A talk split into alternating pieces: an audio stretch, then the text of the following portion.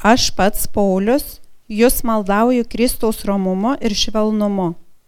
Aš, kuris akistatoje su jumis esu toks nusižeminęs, o už akių toks drasus. Aš jūs maldauju, kad atvykęs neturėčiau pasirodyti smarkuoliu, pasiryžusi griežtai sudrausti kai kuriuos manančius, jog mes elgiamės pagal kūną. Nors mes gyvename kūne, kovojame ne pagal kūną. Mūsų kovos ginklai nekūniški, bet jie Dievo gale greuna tvirtovės. Jais mes nugalime sampratovimus ir bet kokią puikybę, kuris sukyla prieš Dievo pažinimą ir paimame nelaisvent kiekvieną mintį, kad paklūstų Kristui. Esame pasiruošę nubausti bet kokį neklusnumą, kai tik jūsų klusnumas taps tobulas. Amen. Pasimelskime. Dangiškasis tėvė, mes prašome, kad tu atvertum savo malonę, kai mes skaitom tavo žodį. Mes prašome Dievę, kad tu pamokytum mūsų savo žodžio, kai mes skaitom jį Dievę, te Te tavo žodis apšviečia mūsų širdis, parodo mums tai, ką tu nori pasakyti mums, nori, kaip nori mūsų ugdyti ir tai galina mus gyventi taip, kaip e, tavo sunus mus pašaukęs yra šventąją dvasę, apšvies mūsų akis, šventąją dvasę įgalink mus gyventi ir uh, būti taip, kaip mes esam pašaukti tavo sunaus Jėzaus Kristaus šlovė ir garbė. To prašom. Amen. Gerai. Taigi šiandien mes pakalbėsime apie, apie tai, kaip mums reikia būti tvirtais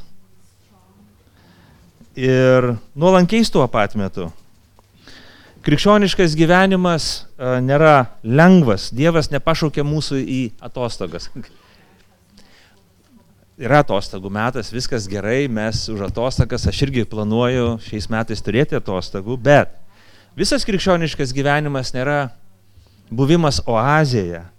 Deja, gyvenimo tikrovė yra tokia, kad mes patikėję Jėzų Kristų paž esame pažadinami tai gyvenimo realybė ir tikroviai, kad e, gyvenimas yra dvasinė kova.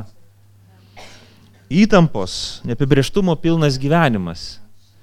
Ir čia mes susidurėm su vairiausiais sunkumais. Na, šiandien mes pasižiūrėsim ir bandysim pasimokyti, kaip mums kaip krikščionėms reikėtų reaguoti konflikto metu. Konfliktai yra neišvengiami.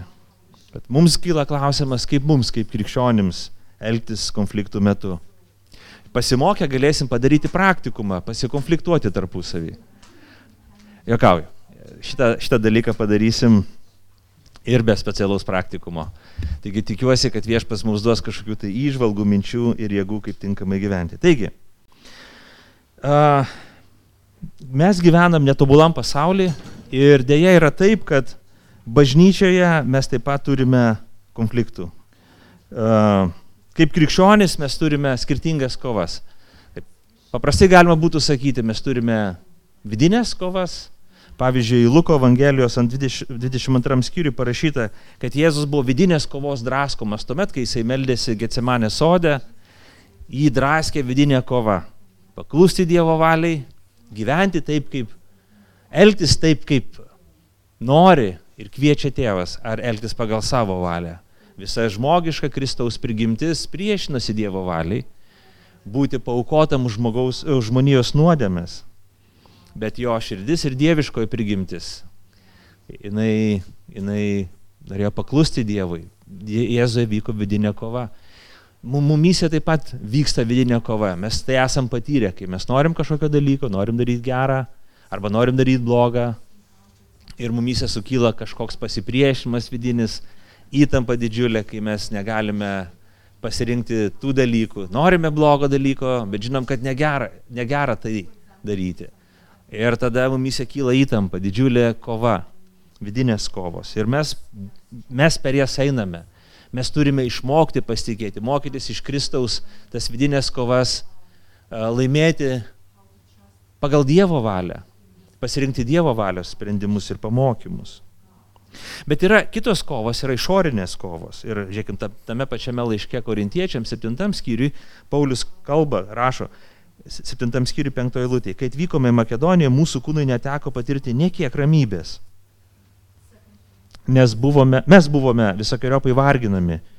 Iš išorės kovos, viduje baime. Vėl, kalba ir apie tą vidinę kovą, viduje baime, bet išoriai kovos. Taigi mes kartais turime išorinės kovas ir viena iš jų būna ta, ta rūšis, kai mes kovojame su išoriniais krikščionybės priešininkais. Kai mes atsiduriam tokio kultūrinėje aplinkoje, kuri priešiška Evangelijai, kuri šaiposi iš tikėjimo, kuri žemina tikinčiuosius. Ir aš esu atsidūręs nežinau kiek kartų per savo tikėjimo kelionę, nežinau kiek dešimčių ar šimtų kartų, kai aš atsidurdavau tokioje situacijoje, kai man būdavo sunku ištarti kažkokį žodį, net sunku buvo pasakyti, kad aš esu krikščionis nes išorinė įtampa, šaipimasis iš krikščionybės, iš tikėjimo, iš Dievo būdavo toks stiprus. Ir kai aš būdavau jaunesnis žmogus, 16, 17, 18 metų, 20, man tiesiog neužtekdavo vidinių jėgų kažkokiu būdu atsistoti ir sakyti, aš esu tikintis ir, ir, ir aš, aš, aš esu krikščionis. Kartais tiesiog pritrūkdavau jėgų.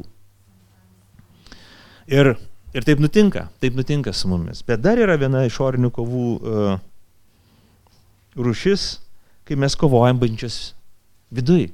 Tai išorinė kova, nemanyta kova vyksta, bet vyksta tarp manęs ir kito brolio. Tarp manęs ir, ir sesės. Tarp apaštalo, kaip skaitome dešimtame skyriuje, ir bendruomenės. Ir žiūrėkit, taip jau nutinka, mes neturim kurti iliuzinio kažkokio tai vaizdo, mes neturim užmerkti e, realybėje akių, jeigu mes ilgesnį laiką būnam krikščioniškoj bendruomeniai. Ypatingai, jeigu mes apsisprendžiame tarnauti Dievui ir bendruomenėje, mes neišvengiamai susidursim su tuo, kad mes išgyvensim kažkokį konfliktą, netgi kovą bendruomeniai vidujos. Bažnyčia nėra tobula vieta. Bažnyčioje yra visko. Į ją susirenka žmonės, kurie patikėjo Kristumi, kurie pamilo Kristų kuriuos patraukia Kristus, kuriuos patraukia tikėjimas. Tačiau, kai ateina į bažnyčią tie žmonės, jie atsineša į bažnyčią visą savo nekrikščionišką paveldą. Atsiminam, Jėzus sakė, palaimintas tas, kuris atsineša savo seną paveldą, fariziejai rašto žinojo, kurie atsineša tą paveldą ir panaudoja karalystės labui, nes jie skaitė raštą, jie gilinasi tradiciją, jie suprato Dievą intelektualiai ir atėję į bažnyčią, jie atsineša tą paveldą. Dėl to paštolui Pauliui taip vadinkim, nesunku buvo kurti naujas bendruomenės, nes iš žydų mokytojų, rabinų, kurie atsiversdavo į tikėjimą, jau būdavo, jie tik patikėjo Kristumi ir viskas susidėlio, nes tai turi etiką, jie turi rašto pažinimą ir jie jau būna pasiruošę tarnystės darbui, tik turi būti pamokyti, užvesti ant kelio, kaip traukiniai pastatyti ant bėgių. Bet dažną kartą mes iš pagonių įtikėję žmonės, mes turim savo mentalitetą, visą mąstymą, kuris yra nekrikščioniškas vertybės, kurios yra nekrikščioniškos, įpročiai, kaip elgtis, kalbėti, kaip spręsti konfliktus, tos reakcijos, impulsyvios reakcijos, kuris tiesiog sproksta iš mūsų, jos yra nekrikščioniškos. Mes taip mylim Kristų, mes taip jau išmokom keletą giesmių, jau mes išmokom, kaip atsiversti šventą raštą, kažkurie iš mūsų net orientuojasi, kur yra naujasis testamentas šventam rašte, kažkas net atrastų sofonio pranašystę. Bet pakeisti, pakeisti savo įpročius, tas instinktyves greitas reakcijas, au, mamytė, čia nelengvas dalykas, čia reikia, čia reikia, čia, čia reikia ištiso proceso, pasikeitimo. Taigi, kai mes ateinam į bažnyčią, mes ateinam su visu savo turiniu, su visais savo stabais, su visais savo supratimais, su visa savo pagonybė. Ir ką viešpats daro, sako, teik mokykis. Sūnau, dukra, ateik mokykis, palenk savo širdį ir nuolankiai mokykis. Klausyk Dievo žodžio. Ir kai klausai Dievo žodžio, svarstyk, ką viešpats kalba man, ką tau kalba viešpats, kur tau reikėtų pasikeisti, kur tau reikia atsinaujinti, kur tau reikėtų uh, el, pradėti elgtis kitaip, negu tu visą laiką elgeisi. Blogiausias dalykas, ką mes darom bažnyčiai, mes galvom, o, brač, blogai, kad to brolio Ir tos sesės nėra, jam mat reikėjo išgirsti pamokslą. Vat mano vyrui, mano žmonai reikėtų išgirsti pamokslą. Seneliui čia būtų gerai išgirsti tą pamokslą. Ne, ne. Tu, tu esi tas, kur, kurio širdis turi keistis, kiekvienas iš mūsų. Taigi, dėja, kovos bažnyčioje yra pačios skaudžiausios, pačios liūdniausios dėja, bet jos egzistuoja mūsų gyvenime. Ir žiūrėkim, uh, arba neprisimkė skaidrį padariau, jo, kava bažnyčioje. Taigi, uh, korintiečiai konfrontuoja paštalą ir jisai gražiai pateikė tą konfrontaciją. Žiūrėkit, tokie, aš penkis dalykus atradau šitoj, šitame skyriuje, kaip jie, kaip jie, nežinau, kažkokiais įžeidžiais žodžiais, pasisakymais kalbėjo apie Paulių, taip, kad tai pasiekė Paulių ir, ir, ir Paulius į tai atreaguoja. Uh, jisai sako, pirmoji lūtė, žiūrėkit. Aš pats Paulius jūs maldau Kristaus ramumu, švelnumu, aš, kuris akise su jumis esu toks nusižemin, nusižeminęs, o už akių toks drasus. Taigi jie sakė, Paulius yra drasuolis, bet tik tuomet, kai sėdi prie kompiuterio ir, ir čatinasi. Bet kai yra tikras reikalas, ateina į bažnyčią, jis pasidaro bailys ir bijo kažką pasakyti. Drasuolis per atstumą, bet bailys, kai ateina reikalas būti bažnyčiai, satisfakcijai. Apie paštą tai pasakė. Kol toli, jisai drasus, ateina čia, viso, Arba net bijo ateiti, net neteina, nes jisai išsigandęs yra.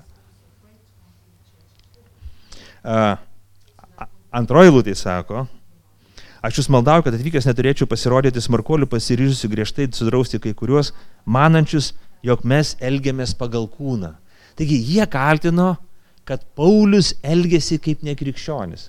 Elgtis pagal kūną, tai reiškia elgtis taip, tarytum tu net nebūtum girdėjęs niekada Evangelijos žinios ir elgtumės taip, kaip tiesiog tau natūralu elgtis kaip netikinčiam žmogui. Jie sako, Paulius elgesi kūniškai, Paulius elgesi kaip pasaulietis, Paulius elgesi kaip bedievis, kuris Kristaus nepažino. Stipriai pasakyta. Septintoji lūtė sako, Paulius rašo, kad korintiečiai galvoja taip, kadangi jie jau turėjo tokį įtampą su Pauliumi, jie sako, mes teisūs, nes mes priklausom Kristui. Paulius, Paulius sako, e, jei kas pasitikė, kad yra Kristaus, tegul pamaso dar kartą, kaip jis Kristaus, taip ir mes. Bet jie pasakė tokį dalyką, žinai, mes čia susiginčijom, mes esam teisūs, nes mes esam Kristuje. Ką reiškia tokia mintis? Reiškia, kad tu galbūt nesi Kristuje. Apaštalas, kuris atnešė jiems Evangeliją. Žiūrėkime, einam dar į stipresnį pareiškimą. Dešimtoji lūtė. Ako, jo laiškai yra svarūs ir stiprus. Rašyti jis moka. Bet kūno išvaizda menka ir iškalba prasta. Ako, tik pasižiūrėkit, kaip jis atrodo. Pasiklausykit, kaip jis kalba. Koks asmeninis užsipolimas. Netikėtinas. Nu ir galiausiai, e, skyrius pabaigoje, 12-13 ir toliau, jisai, e, jisai kalba apie tai, kad korintiečiai jį kaltino pasigirimu, sako, mes nesigirėme be saiko, 13, pavyzdžiui, lūtė ir toliau. Korintiečiai pūtėsi, jie buvo sėkmingi žmonės, jie buvo sėkmingi ekonominė prasme, jie galvoja, kad yra, yra labai apdovanoti ir jie pūtėsi prieš Paulių. Ir sako, dažnai kaip yra su mumis, žiūrėkit, kai mes esam pasipūtėliai, kai mes esam pagirūnai, mes kituose matom pasipūtimą ir tai, kad jie yra pagirūnai. Dažnai mes suprojektuojam tam tikras savybės į kitus. Patys būdami nesažininkai, mes kituose matom nesažiningumą. Patys linkę kažką pavokti, mes kituose matom ketinimą vokti. Patys būdami pasipūtę ir pagirūniški, jie kaltino, kad Paulius yra toks. Kaip toks vaizdas jums? Kaip, kaip jums būtų malonu ateiti į tokią bažnyčią, kuri parašy, va, taip apie jūs galvotų? Kad jūs esate iš principo bailiai, bet tik tai toli esantis esate drąsuoliai, kad jūs esate iš viso pasauliečiai, net nekrikščioniai, kad net Kristui nepriklausot, kad baisiai atrodot ir kai kalbat visiems bloga darosi. Raižo vidurius nuo jūsų balso kad jūs esate pasipūtėliai ir pagirūnai. Apie paštalą kalbą. Panašiai mes jaučiamės, kai vaikai pykčio apimti mums pasako panašius dalykus, arba dalį tokių dalykų. Ne? Ir tai mums būna nepaprastai skaudu. Nes vaikai, kam mes galbūt netobulai atidavėm, bet beveik viską, ką mes turim, jie taip skaudžiai mus gali užgauti. Ne? Taigi, korintiečiai taip elgėsi, kaip Gary Milleras sako, kaip krikščionis filosofai. Jie samprotavo, jie mąstė, galvo, mes galim apie Paulių taip kalbėti, mes galim apie jį taip mąstyti, mes galim iš jo piešti karikatūras ir taip toliau. Ne?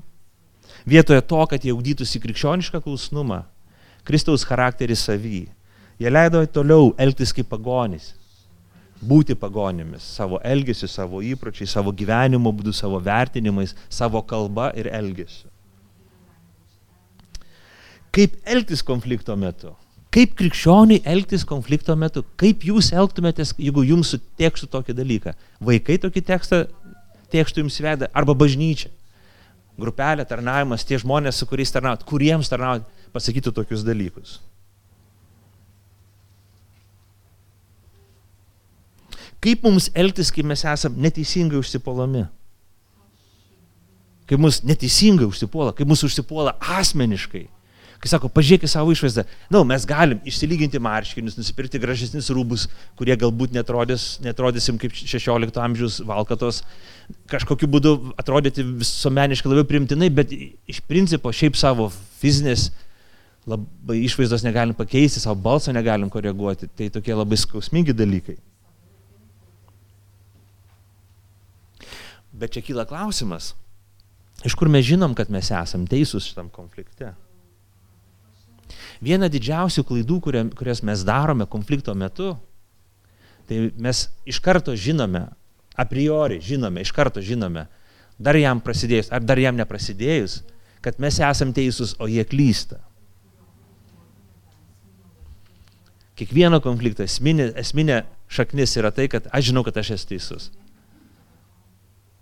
O tu klysti. Ir taip masto abi pusės. Iš čia ir kyla konfliktas. Bet nebūtinai taip yra.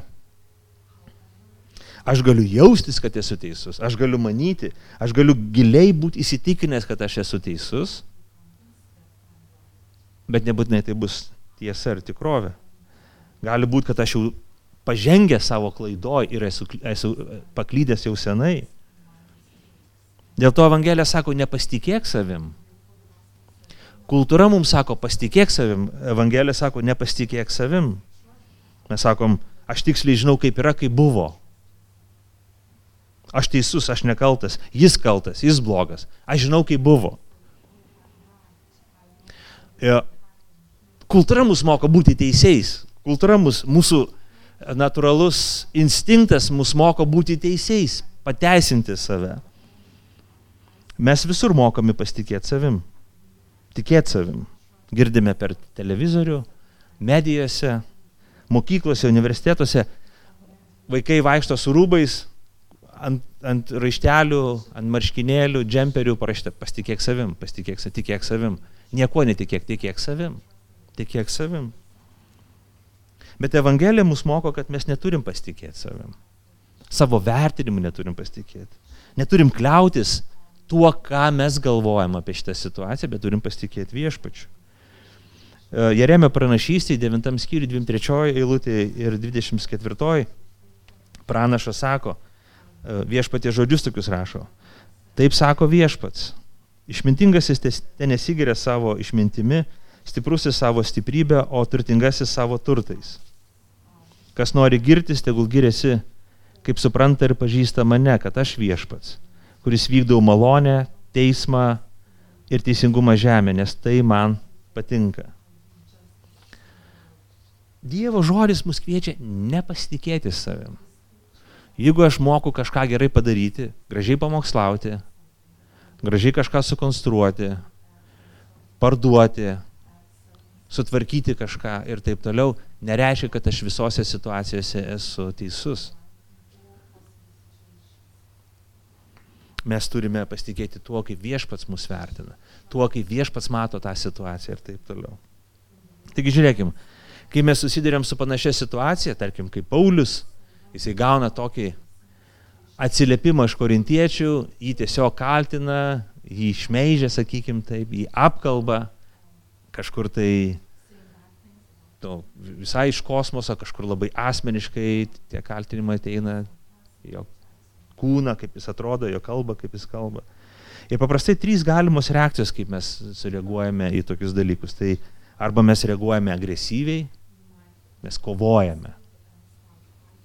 Kažkas mums pasakė ir mes tada iš karto instinktyviai kovojame. Ah, tu man tai pasakėjai.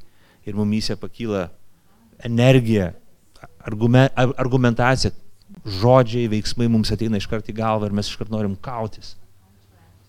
Ir, ir, ir kontratakuoti tą, kuris mums pasakė dalykus. Pasiuntam ir šokam į kovą. Žodžiais, o jeigu reikia ir kumščiais. Kita mūsų reakcija gali būti tokia, kad mes atvirkščiai mes traukiamės iš kovos, kapituliuojam ir pasitraukiam iš kovos, mes pasiduodam ir jaučiamės nugalėti. Viskas. Kažkas atėjo, ant mūsų pilies pastatė savo vėliavą, mes jaučiamės loseriais ir, ir, ir nugalėtais. Tai pasakė, reiškia taip yra, aš esu nevykėlis. Niekas manęs nemyli, nepriima. Dievas manęs nemyli, nepriima. Ir tai mus žlugdo. Nu, trečioji e, reakcija, kaip mes reaguojame, apsimesti, kad viskas fainai, kad nieko neįvyko, kad viskas gerai. Tiesiog nebuvo jokio konflikto. Viskas faina, viskas gerai. kaip šeimoje būna, kažkas kažką bjauriai pasako, padaro, pauzė ir tada mama sako, oi dabar desertas, dabar valgysim desertą visi taip valgo ir springsta kažką, kažką saldaus ir, ir, ir skysto, nu, geria kokį gėrimą, bet jisai springsta, toks sausas, toks brangus tas gėrimas, kad įtampa lieka, bet mes apsimetam, kad viskas yra gerai. Kaip krikščionis turėtų reaguoti? Tai žiūrėjim, bažnyčia nėra mūsų nusavybė. Bažnyčia nėra ta vieta, kurioje mes elgiamės pagal savo instinktus ir kažkurie iš mūsų, kažkuriem iš mūsų būdingiausia elgtis pagal vieną iš tų vat, mano paminėtų dalykų - kovoti, kapituliuoti arba apsimesti, kad nieko nebuvo. Taip natūraliai mes elgiamės. Bet, žiūrėkit, bet bažnyčia yra Kristaus nuotaka. Ir čia mes turėtume prisiminti, kad Jėzus savo kryžiumi įsigijo kiekvieną čia ateinantį žmogų. Apskritai, kiekvien, už kiekvieną žmogų Jėzus mokėjo kryžiaus kainą. Jis mirė ant kryžiaus už mus, už visus žmonės.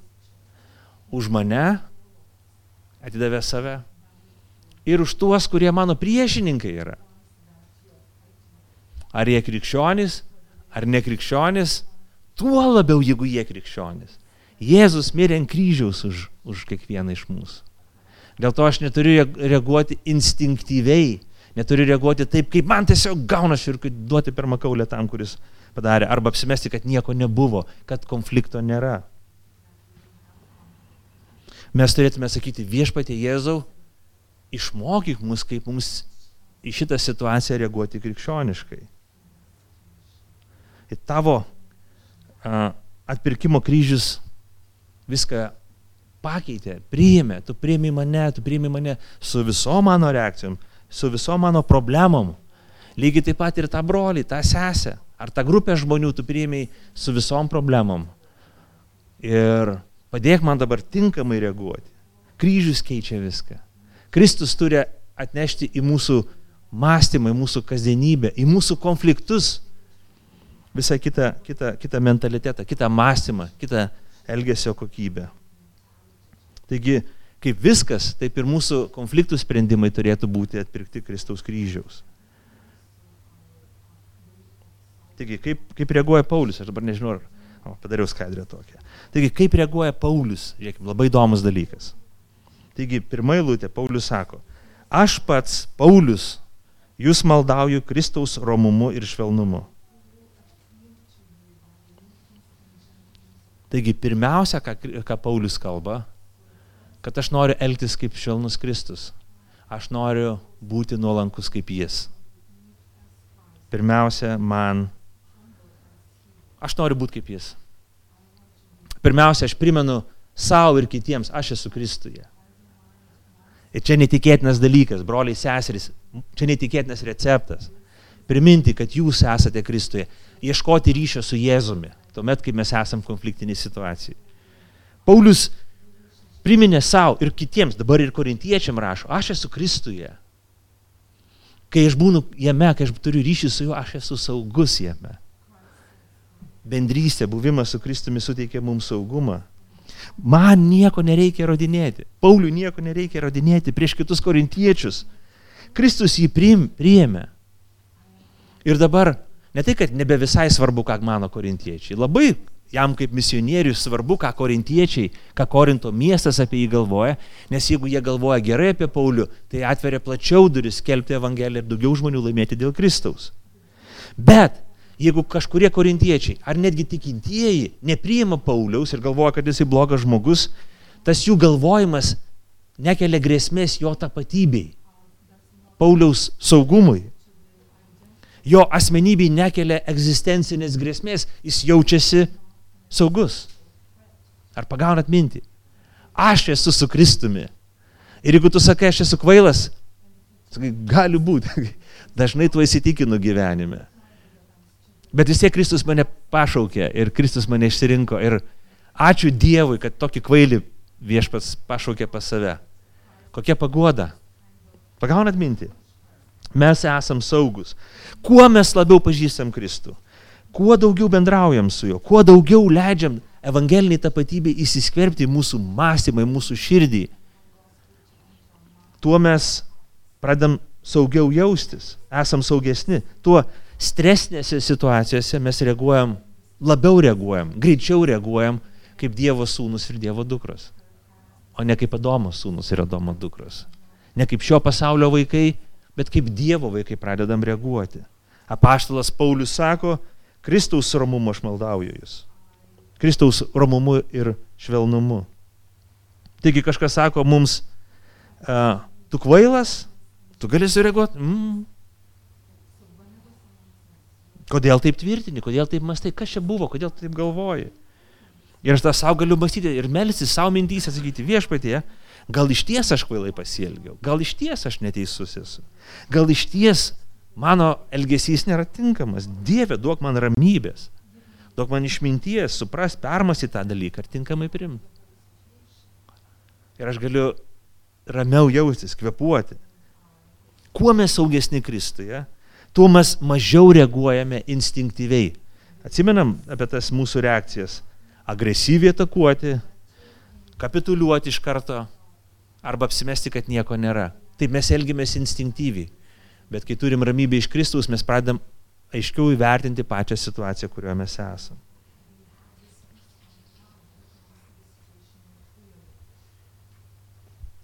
Ir kai mes būnam su Kristumi, mes pradame ugdyti jo savybės - romumą ir švelnumą. Mes tampame nuolankesni, mes tampam nuolankus. Korintiečiam tas terminas nuolankumas atrodė, tai mėmėsi, abelis, atsilupėlis, jeigu tu nuolankiai ilgiesi konfliktiniai situacijai, viso, viso, tu prakišai, tu pralaimėjai, aš laimėjau, viso, viskas. Paulius pasiduoda. Bet tas mentalitetas, toks mąstymas rodo, kad korintiečiai net nesuprato Evangelijos esmės. Nes Evangelijos esmė tai, kad mes pažinom Jėzų, kuris yra nuolankus ir jo nuolankumas mums pelnė išganimą. Dėl to Mes džiaugiamės Kristumi, šlovinam jį, nuolankų karalių ir patys norim būti nuolankus, klusnus jo sūnus ir dukros. Taigi pirma reakcija, pirmas dalykas, kaip reaguoja Paulius, romiai, nuolankiai. Tave kažkas kaltina, sakai, o, aš esu Jėzė, aš esu linkęs klausyti. Gali būti, kad aš esu, kad mano kalbėjimas be be be, be be be, be be be, mygdo visus. Ačiū už pastebėjimą, broliai, aš pasistengsiu me, me, me kalbėti, nebe, be, be, be, bet kažkaip kitaip gyviau, kad jūsų taip netrikdytų tas dalykas. Ir nusipri, nusi, nusi, apsirengsiu kitą maikę, kad jūsų netrikdytų tas man, mano išvaizda. Aš atkreipsiu dėmesį į save, kas čia, kas čia vyksta su manimi. Ne? Aš, ne, aš ne, ne, nereaguoju gynybiškai į jūsų, į jūsų pastabas. Bet antra reakcija Paulius, trečioji eilutė prašyta, mes gyvename kūną bet kovojame ne pagal kūną. Ha, nėra tik tai tai, kad mes būname nuolankus ir romus. Kartais mes turime būti kovotojai ir kovoti. Kartais mes turime konfrontuoti. Ir čia įdomus dalykas. Gary Milleras gražiai parašęs yra, jisai sako, kad kai Paulių, kai Paulių užsipuola kažkas asmeniškai, jo asmenybę, jo elgesį, jis, jis reaguoja nuolankiai ir romiai. Hmm, reikia apmastyti. Kristus buvo puolamas, Kristus buvo uh, šmeižiamas. Ir čia reikia primti dalykus, leisti išklausyti. Bet, sako, kai tik tai kalba paėdavo apie tai, kad jie pradėdavo kritikuoti Pauliaus žinę, Evangelijos žinę, Paulius tapdavo liūtų ir jisai kovodavo, nes jis žinojo, kad čia nebeina klausimas apie Paulių, čia nebeina klausimas apie mane, bet eina klausimas apie Evangeliją, kurią mes pažinome ir kuri neklysta. Ir šitoje vietoje mes tada atsistojame ir drąsiai kovojame už Evangelijos tiesą. Už save mes nekovojame, bet už Evangelijos tiesą taip. Taigi, Kristaus Evangelija subrandina mumyse. Žiūrėkit, jeigu mes sekam paskui Jėzų, jeigu mes pažįstami, jeigu leidžiam, kad Dievo žodis įeitų į mano ausį, mano širdį apsuktų kelis ratus ir pavirstų į valingus veiksmus, kad aš pradėčiau trokšti ir norėti pildyti Dievo valią, ilgainiui Evangelija pradeda brandinti mumise ir drąsą, ir nuolankumą, tą pusiausvirą. Kad mes būnam nuolankus ir kai kažkas pasako mums kažkokį dalyką, mes nepuolam gintis, nepuolam muštis, nepuolam reaguoti instinktyviai. Bet tiesiog išklausom, sakom, gal, gali būti, gali būti. Kristų, man reikia tavęs, biški muša karštis. Hū, širdis plaka, Jėzau, padėk man, dabar padėk man, reikia tavo pagalbos, viešpatie. O aš kaip aš padariau, gal tikrai aš užgavau to žmonės, buvau grubus, atleisk viešpatė, duok jėgų, Dieve, duok malonę savo. Bet jeigu tai liečia Evangelijos tiesą, mes būnam tvirti ir nepajudinami. Mes turim trasą. Ir kaip gražiai Evangelija mumyse sudėlioja dermę, nuolankumą ir drąsą. Ta harmonija, kad mes galime būti nuolankus ir drąsus, kaip liūtas. Ir švelnus, ir tokiais aštriais nagučiais, stipriais dantim, rumeningas kūnas tuo pat metu. O, čia kažkoks išganimą teikiantis liūdėsys, čia biški iš kito pamokslo. Taigi, aš dar turiu, mano pamokslas turėtų eiti į pabaigą, aš dar turiu keletą minčių ir norėčiau pasižiūrėti, kaip Paulius kovoja tą dvasinę kovą. Ir čia galvoju labai svarbus momentas. Trečia, šešta eilutės. Paulius konfrontuoja krikščionis, korintiečius konfrontuoja. Ir žiūrėkit, jisai sako tokius tekstus, paskaitysiu dar kartą. Nors mes gyvename kūne, kovojame ne pagal kūną. Mūsų kovos ginklai nekūniški, bet galingi Dieve greuti tvirtovės. Jais mes nugalime samprotavimus, bet kokią puikybę, kuri kyla, sukyla prieš Dievo pažinimą ir paėmėme nelaisvent kiekvieną mintį, kad paklustų Kristui. Esame pasiruošę nubausti kiekvieną neklusnumą, kai tik jūsų klusnumas taps tobulas. Toks tekstas, kurio, kurį perskaičius pirmą kartą galvoju, apie ką čia kalbam, kokie čia viduramžiai, kokie čia kankinimai, inkvizicija, kas čia, apie ką, mums reikia komentaro. Tai pirmas dalykas, Paulius sako, mes nekovojam prie žmonės. Nekovojam. Mes gyvenam kūne, bet kovojam ne pagal kūną. Mes nešaudam į žmonių kūnus. Mes nenorim sužeisti žmonių, mes nenorim atimti gyvybės iš žmonių, mes norim teikti gyvybę, nešti gyvybę. Mes nekovojam fiziniais ginklais, nekardu jėtimi, vėzdais, įkalinimais, egzekucijomis. Tuo metu dabar modernesnius ginklus turim. Prisiminkim, kadaise paštalas Paulius taip elgėsi. Jis fiziškai kovojo prieš krikščionis, bet Jėzus pasigailėjo jo. Jėzus atleido jam ir pašaukė būti pagonio paštalu. Ne, mes nekovojam. Nekovojam prieš žmonės. Mes nenorim užgauti žmonių. Žmonės nėra mūsų priešai. Žmonės yra tie, už, už ką mirė Kristus. Tai yra mūsų misijų laukas. Dievas pamilo pasaulį. Štai kas yra žmonės. Dievo meilės objektas. Tačiau dvasinė kova egzistuoja ir toliau. Ir Paulius sako, kad yra tie dvasiniai ginklai, kuriais ką mes darom.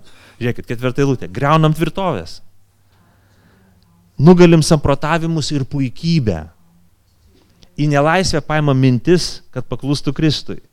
Baudžiam kiekvieną neklusnumą. Greunam, nugalim imami nelaisvę, nubaudžiam. Tokia karinė terminologija. Ir kas tai per ginklai? Čia Paulius sako, kad mes turime, mes kovojame prieš įsitikinimus. Mes kovojame prieš filosofijas, prieš religinės klišės įsivaizdavimus. Ir tu kalbi su žmogum, bet jis turi įsivaizdavimus, turi įsitikinimus, turi kažkokias tai e, religinės tradicijas, kurios neleidžia jam kitaip mąstyti. Ir Paulius sako, va, būtent tai mes atakuojam, būtent tai mes greunam, būtent tai mes norim sunaikinti, mes norim sugriauti citadelę ir iš jos paimti žmonės ir išvesti į laisvę. O vis, bet kokį sukilėlį ir maištininką norim paimti nelaisvę. Kokius džiavelinus Storm Shadow Haimarsus, Patriot raketas naudoja Paulius, kad bum, bum, bum, bum, bombarduoja ir sėkmingai bažnyčia, kur eina, ten kūrėsi bažnyčia, kūrėsi bažnyčia, kūrėsi bažnyčia, įtiki žmonės ir jų gyvenimai keičiasi, tvirtovės griūna. Kokį ginklą naudoja Paulius, kokiais būdais ir instrumentais jis pasiekė žmonės, kaip jis galėjo su kokiu vėzdu nu, nupūsti tas tvirtovės, dvasinės tvirtovės nuo žmonių galvų, ką jis darė, kaip jis elgėsi. Vienintelis ginklas, kuris įveikia šitas dvasinės tvirtovės, yra Evangelijos skelbimas. Paulius skelbia Evangelijos žodį. Paulius skelbia Dievo pažinimą. Paulius aiškina, ką Jėzus ant kryžiaus padarė už kiekvieną iš žmonių. Kaip Dievas dabar dovanoja žmonėms jų nuodėmės. Ir kaip Kristus dabar nori viską atnaujinti. Kaip Kristuje visas pasaulis yra atperkamas. Ir tas paaiškinimas, tas kelbimas būtent ir greuna visas tvirtovės. Bubum, pradeda griūti. Iš vidaus ir sugriūna sienos. Į nelaisvę paimamos mintis, kurios sukilė prieš Dievo pažinimą, kurios daro iš Dievo karikatūrą, pašaipą, pajoką ir panašiai. Mes kalbėjom kalėjime, šią savaitę buvom kalėjime ir viena mergaitė, jauna mergaitė yra kalėjime ir, ir suimtoji ir, ir jinai Aš gal šį kartą ar praeitą savaitę, bet, bet, bet, bet čia buvo pokalbis ir jinai, ir jinai, mes taip tyliai kalbam, kalbam, kalbam, aš toks po traumos tyliai kalbėjau ir taip garsiai, nu tai jeigu, jeigu Dievas yra, jeigu Dievas viską sukūrė, tai kas tada sukūrė Dievą? Ir jis sako, geras klausimas, gene?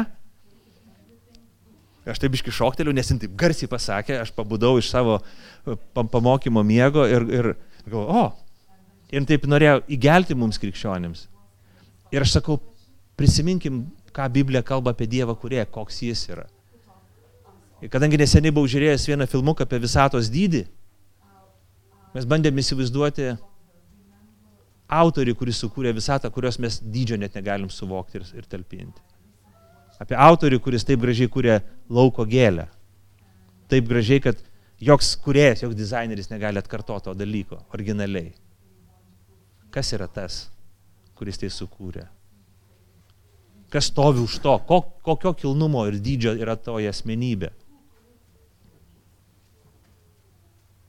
Ir ta mergina, jinai, op, nebeturėjo kito gero klausimo. Gal turės, kai kitą kartą ateisim. Bet Dievo pažinimas, Evangelijos skelbimas greuna tvirtovės. Keičia žmonių gyvenimus. Niekas kitas. Evangelijos skelbimas tai daro. Taigi Evangelija yra efektyviausias ginklas šitame pasaulyje. Jis veikia šventai dvasiai veikiant, Kristaus atpirkėjo vardu ir Dievo tėvo valia. Jis keičia viską žmonių gyvenime. Jis pakeičia nusidėlį, pakeičia žmogų iš vidaus. Jis sugriauna tvirtovės ir žmogų ištraukia, įkaitą ištraukia. Princesę ištraukia iš bokšto ir nugali drakoną.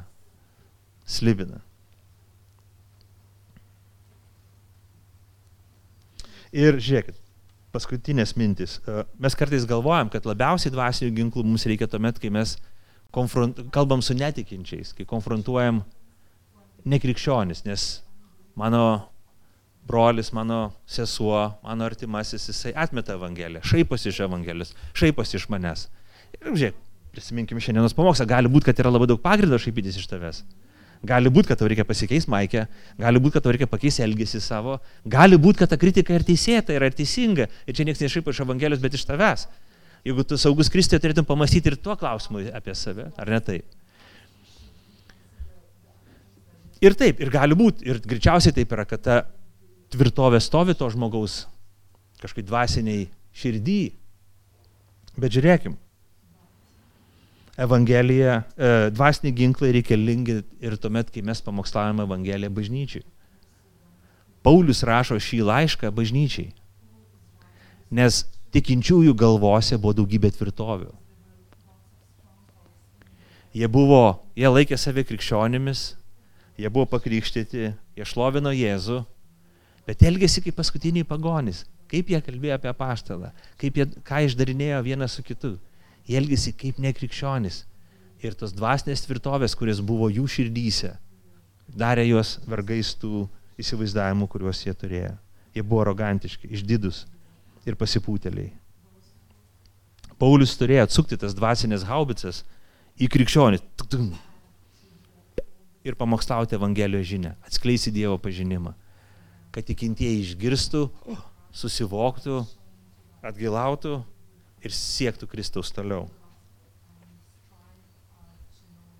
Dar žiūrėkit, labai svarbus momentas, čia paskutinė mintis iš pamokslo. Sako, tais ginklais mes nugalime samprotavimus, bet kokią puikybę, kuris sukyla prieš Dievo pažinimą. Paimame nelaisvę ant kiekvieną mintį, kad paklustų Kristui. Esame pasiruošę nubausti kiekvieną neklusnumą, kai tik jūsų klusnumas taps tobulas. Esminė korintiečių problema buvo tai, kad jie buvo neklusnus Evangelijos žiniai. Neklusnumas Kristui, neklusnumas Evangelijai pagimdo neklusnų gyvenimo būdą, kuris yra priešiškas Dievui ir Dievas jam priešinasi. Jei mes esam Dievo vaikai, jei išgirdam Evangeliją, jei sekam paskui Kristų, mumyse turi ryškėti Kristaus charakteris, tai yra klusnumas. Mes klausome Evangelijos. Mus gali dirginti, mus gali erzinti, mes galim matyti kažkurios dalykus, bet esminiai savo širdį mes esam klusnus Kristui ir jo tiesai. Mes sakom, viešpatie, matau, brolis elgesi netinka, matau, sesuo, mm, bet viešpatie Jėzau, tu mirėjai už jį, tu mirėjai už ją ir aš noriu tiesiog klausyti tavęs ir klausydamas tavęs aš kalbėsiu, tarnausiu, būsiu ištikimas, būsiu doras ir elgsiuosi taip, kaip moko tavo Evangelijas. Kokios pamokos mums? Konfliktuokim krikščioniškai. Jeigu mes atsidursim konflikte, jeigu kažkur mes susidursim su kažkokiu dalyku, stenkime reaguoti taip, kaip moko Evangelija. Pirmas dalykas. Būkim romus, būkim nuolankus, kaip Kristus. Nuolankus. Jeigu kažkas liečia asmeninius dalykus, kas susijęs su mumis, primkim, galbūt tai tiesa. Jeigu tai liečia Evangelijos žinę, būkim drąsus ir, ir ginkim Evangelijos tiesą. Siekim klusnumo. Klusnumas yra krikščioniškos brandos ženklas. Klusnumas yra mūsų siekėmybė. Klusnumas atsiranda tuo met, klusnumas Evangelijai, o paskui ir vienas kitam atsiranda tuo met, kai mes sekam paskui Jėzų Kristų. To taip pat yra nuolankumas bei romumas. Leiskim, kad Kristus per visas aplinkybės, bet labiausiai per savo žodį, keistų mus. Leiskim Dievo žodžiu mus kritikuoti, kviesti atgailai ir naujam gyvenimo būdui. Pakilkim maldai. Dangiškasis tėvė, dėkojam tau už malonę. Dėkojam už tai, kad tavo žodis mus apšviečia. Mes meldžiam viešpatie, kad kai mes susidurėm su konfliktais, kad mes išmoktume elgtis krikščioniškai, romiai ir drąsiai tuo pat metu. Taip pat viešpatie mokyk mus klusnumo, kad mes būtume klusnus. Tiesi formuoja šitos savybės mumyse. E, padėk mums saugotis apkalbų, netinkamo elgesio, nederamo krikščionim elgesio. Saugo, padėk mums saugoti savo širdis ir viešpatie, tebūnie tavo žodis formuoja mūsų gyvenimo būdą, mūsų elgesį, mūsų mąstymą ir visą tai, kas mes esame. Per Kristų. Amen.